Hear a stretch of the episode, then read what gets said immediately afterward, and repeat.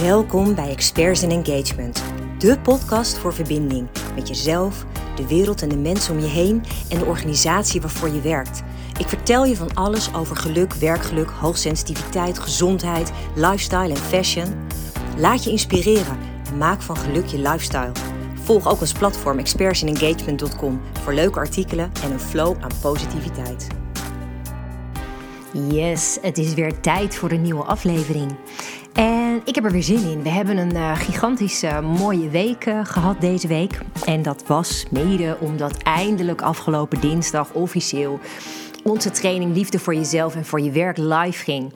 Nou, echt heel erg gaaf. Want we hebben daar um, nou ja, ook veel aandacht aan gegeven via social media en uh, gewoon eigenlijk op al onze kanalen die we normaal gesproken gebruiken.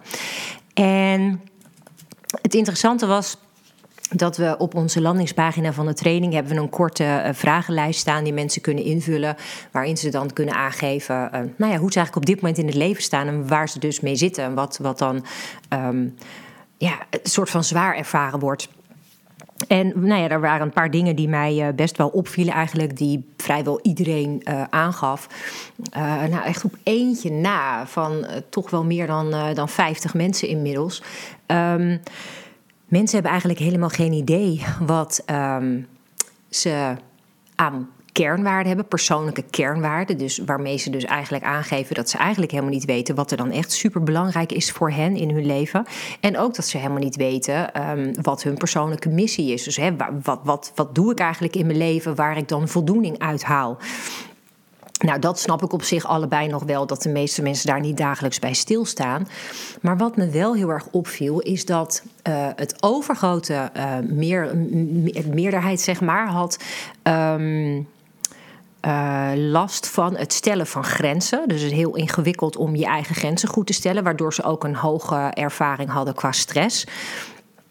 En wat ik heel erg merk is dat mensen dan um, ook heel graag liever voor zichzelf wilden zijn, maar dat niet altijd doen, niet weten hoe ze dat moeten doen. Nou ja, dat is natuurlijk ook wel waar de hele training over gaat. Het gaat over zelfliefde, weet je wel, over uh, hoe uh, kan ik beter voor mijzelf zijn en van daaruit ook beter voor de wereld om me heen. Um, en ik dacht, nou, dat is wel een mooie, want we kunnen daar eigenlijk wel een, een mooie aflevering aan wijden. Een hele simpele stap om meer zelfliefde te creëren. Want er is namelijk een hele eenvoudige manier voor en dat is namelijk zelfcompassie. En ik dacht, misschien is het wel eens interessant om het daar over te hebben, omdat, um, nou ja, de meeste van ons hebben toch best wel vaak te maken met zo'n kritische stem. Je, je hebt iets gedaan en dat heeft niet helemaal goed uitgepakt, op wat voor manier ook. Het heeft niet het effect gehad wat je wilde. Um, en in het slechtste geval heeft het uh, opgeleverd dat je bijvoorbeeld een, een, een ruzietje hebt met iemand of een. Uh, een enorme discussie op de werkvloer of uh, een uitbrander van een leidinggevende. Het, het kan van alles zijn. En um, wat we standaard zien is dat de meeste van ons op dat moment um, een soort kritische stem hebben die ja, heel hard veroordeelt. En wat ik heel interessant vind, is op het moment dat je aandacht gaat hebben voor zelfliefde, echt letterlijk liever voor jezelf ook zijn dan mag je op een andere manier ook naar jezelf gaan kijken. Bij elke situatie, wat er ook uh, uiteindelijk plaatsvindt. En zelfcompassie daarbij is wel echt een hele interessante.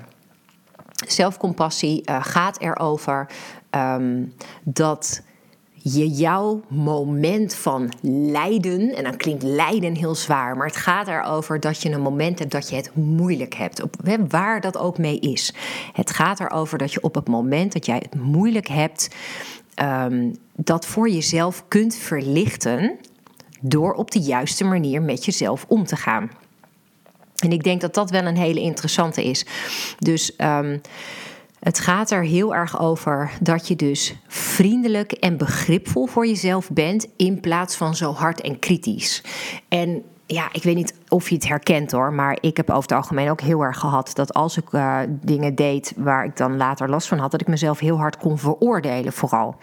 En bij zelfcompassie gaat het er dus over dat je aandacht hebt voor jouw eigen welzijn. En het zorgt ervoor dat je een situatie ook heel anders kunt gaan bekijken. Want dat is natuurlijk zo'n ander ding. Hè? Elke situatie bekijk jij vanuit jouw perspectief. En dat is helemaal niet per se het perspectief van die ander die betrokken is bij de situatie. Het kan dus best zo zijn dat je bijvoorbeeld um, een uitbrander hebt gekregen van een manager. Um, waarbij die uitbrander misschien niet eens alles met jou te maken had, maar ook misschien wel met die manager zelf, omdat hij of zij niet helemaal lekker in, in, in een vel zat. Weet je, dus ik denk dat het heel goed is om bij zelfcompassie ook echt naar jezelf te kijken, die verbinding met jezelf aan te gaan. En op het moment dat jij goed bent in uh, zelfcompassie toepassen en je bent liever voor jezelf, word je ook zachter voor de omgeving om je heen. Hoe gaaf is dat? Dus dat vind ik wel een hele mooie. Um, en dan is dus de vraag, hè, als je kijkt naar zelfcompassie, dat begint natuurlijk ook bij accepteer ik wie ik ben? Met alles wat daarbij hoort. Dat is wel echt een hele belangrijke. Um, jij bent jij en er is geen ander zoals jij. En dat maakt ook dat jij waardevol bent. Want als je een kopie zou zijn van een ander, dan voeg je weinig toe. En ik denk dat dat wel een hele interessante is om ook goed te onthouden. Jij bent hoe dan ook waardevol, want je levert een unieke bijdrage de maatschappij, aan alles om je heen. En ik vind het wel interessant als je gaat kijken naar de zelfcompassie. Um, er zijn een heleboel dingen uh, al in onderzocht. Hè. Heel veel mensen die um, uh, onderzoek hebben gedaan hiernaar. Um, en wat daaruit is gekomen, onder andere, is dat mensen die meer zelfcompassie voelen, veel minder problemen ervaren in hun leven. Dus zij zien uh, dat zij ja, veerkrachtiger zijn. Dat ze veel makkelijker op dingen kunnen reageren. Zij geven hun welbevinden een veel hoger cijfer dan mensen die niet met zichzelf kunnen meeleven. Wat natuurlijk ook niet zo gek is, want op het moment dat jij met jezelf kan meeleven en je ervaart daardoor dus veel meer positiviteit, tuurlijk vind je dan dat jouw welbevinden op een betere plek is. Um, en het, gewoon puur alleen al door vriendelijker tegen jezelf te spreken, krijg je over het algemeen ook een veel positiever zelfbeeld. Nou, dat is natuurlijk ook een ongelooflijk belangrijke. Want als je een positiever zelfbeeld hebt, ben je weer sterker qua zelfvertrouwen. En dat zorgt er weer voor dat je ook makkelijker je grens kan stellen, waardoor je weer minder stress ervaart. Voel je me een beetje? Het is echt heel opvallend hè? dat op het moment dat je dit soort dingen gaat doen, dan is het een soort van sneeuwbaleffect. Je gaat zelfkennis creëren. Je gaat beter nadenken over wie jij bent, wat je nodig hebt, um, wat je wil, wat jouw wensen zijn. Je gaat vriendelijker tegen jezelf zijn. Je gaat jezelf meer accepteren zoals je bent. En daarmee ga je dus uiteindelijk je zelfvertrouwen versterken, je grenzen stellen en je stress verminderen. Hey, Volgens mij is dat een behoorlijke succesformule als je dat goed voor elkaar krijgt. En het feit is natuurlijk ook dat op het moment dat jij daardoor fijner in je vel zit, dan ben jij ook veel fijner voor je hele omgeving. Moet je eens bedenken wat dat doet met de mensen om jou heen, of het nou privé is of op je werk. Dus dat maakt wel heel veel uit. Het is wat ik heel veel zie. Hè. Uh, ik heb natuurlijk veel trainingen ook met, uh, met leidinggevende managers. Um, en ik merk altijd dat als deze mensen heel hard en kritisch zijn voor zichzelf, hè, bijvoorbeeld de echte perfectionisten, dan zijn ze dat heel vaak ook voor de mensen om hen heen. Terwijl op het moment dat jij je bijvoorbeeld kwetsbaarder durft op te stellen, omdat je sterk in je schoenen staat en jezelf niet al te serieus neemt, dan straal je dat ook uit naar bijvoorbeeld je team of de mensen om je heen. En dat maakt je benaderbaar. Dat maakt je een veel fijner persoon om mee samen te werken. Dus ik vind dat een hele waardevolle. En heel veel mensen hebben te maken met overtuigingen. We hebben allemaal onze ervaringen opgedaan in het leven. Of dat nou in je jongste jaren was, of het was een, een, een, een, moeilijke relatie die je had. We hebben allemaal die overtuigingen, een bepaald denkpatroon wat we ontwikkeld hebben. En dat denkpatroon is van grote invloed. Op het moment dat jij gigantisch kritisch bent op jezelf, dan maak je als het ware jezelf kapot. Want je maakt jezelf daarmee heel klein en heel onzeker. En door dus vriendelijker tegen jezelf te gaan zijn, word je veel opener, word je veel rustiger Ehm, en durf je ook veel meer uit te spreken wat je dan eventueel nodig hebt. En dat maakt gewoon dat je ook niet meer bang hoeft te zijn voor bijvoorbeeld feedback van anderen. want dat denk ik sowieso als je kijkt naar feedback op een werkvloer. Dat is nooit per se heel persoonlijk. Het gaat over een bepaalde situatie en over iets wat je in die situatie hebt gedaan. Maar dat zegt nog niet zoveel over jou als persoon. Het zegt hooguit iets over bepaalde vaardigheden die je nog zou kunnen verbeteren. Op het moment dat je dat soort gedachten kunt hebben.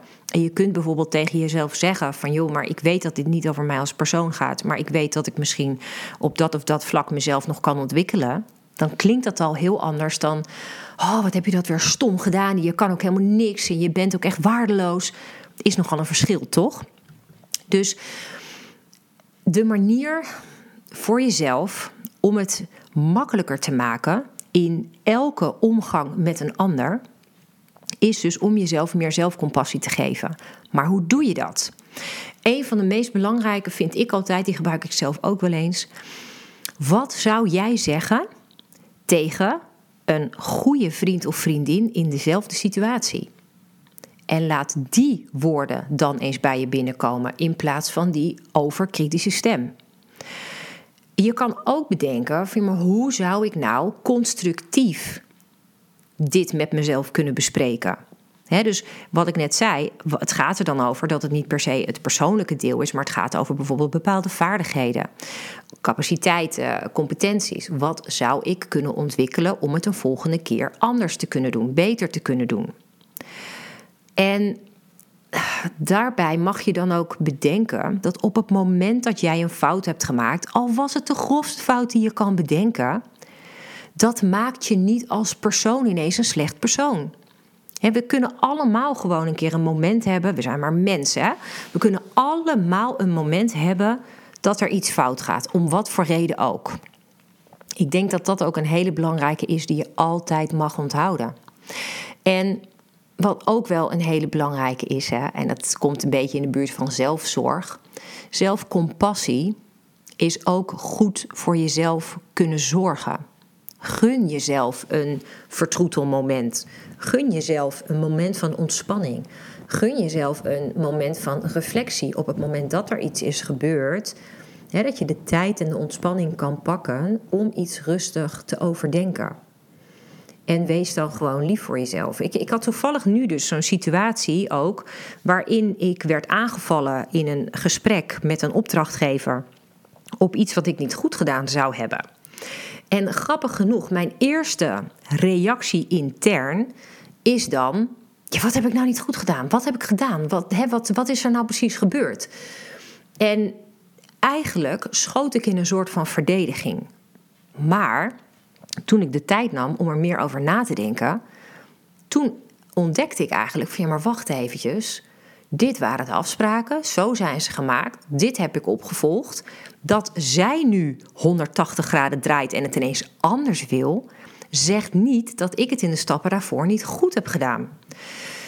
Dus ik merkte heel erg aan mezelf dat in eerste instantie ik een soort kritische stem had, die er eigenlijk al vanuit ging dat ik het inderdaad verkeerd had gedaan.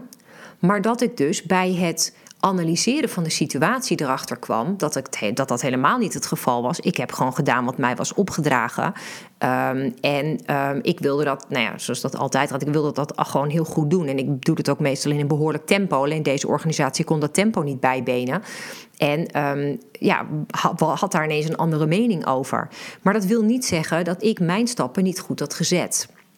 Dus door daar gewoon rustig over na te denken, kun je ook beseffen dat je gewoon goed je best hebt gedaan. En dat dingen helaas wel anders zijn um, gelopen dan dat je misschien had gewild. En dan kan je ook meer van een afstand bekijken van oké, en nu?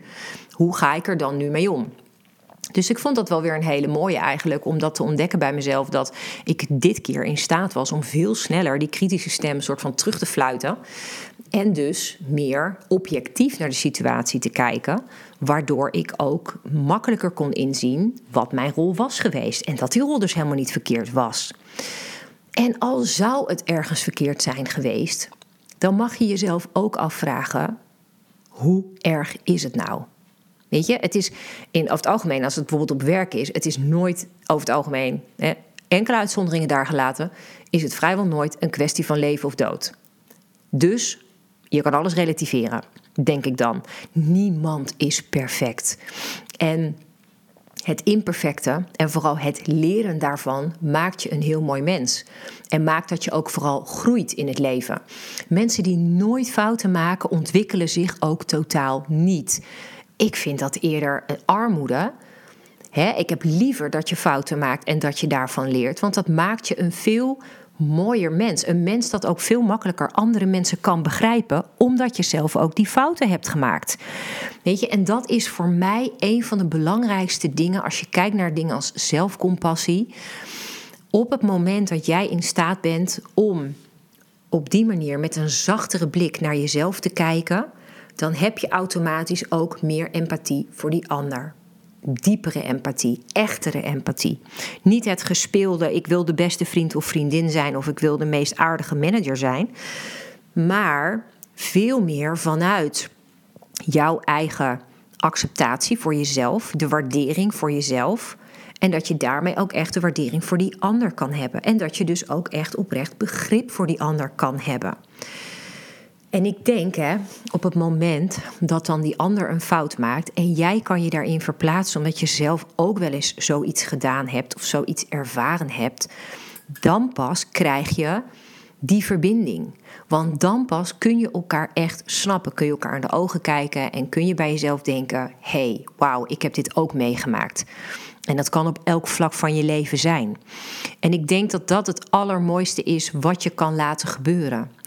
En nou ja, dat is eigenlijk wat ik je heel graag hier wil meegeven, omdat ik er namelijk ook in geloof dat op het moment dat jij in staat bent om wat vriendelijker tegen jezelf te zijn, jezelf wat meer liefde te geven, ehm, dan ben je gewoon ook in staat om rustiger te leven. Je wordt er dankbaarder van, je wordt blijer en het geeft je veel meer veerkracht op het moment dat het even tegen zit. Al was het maar doordat je dus op het moment dat het tegen zit anders tegen jezelf praat.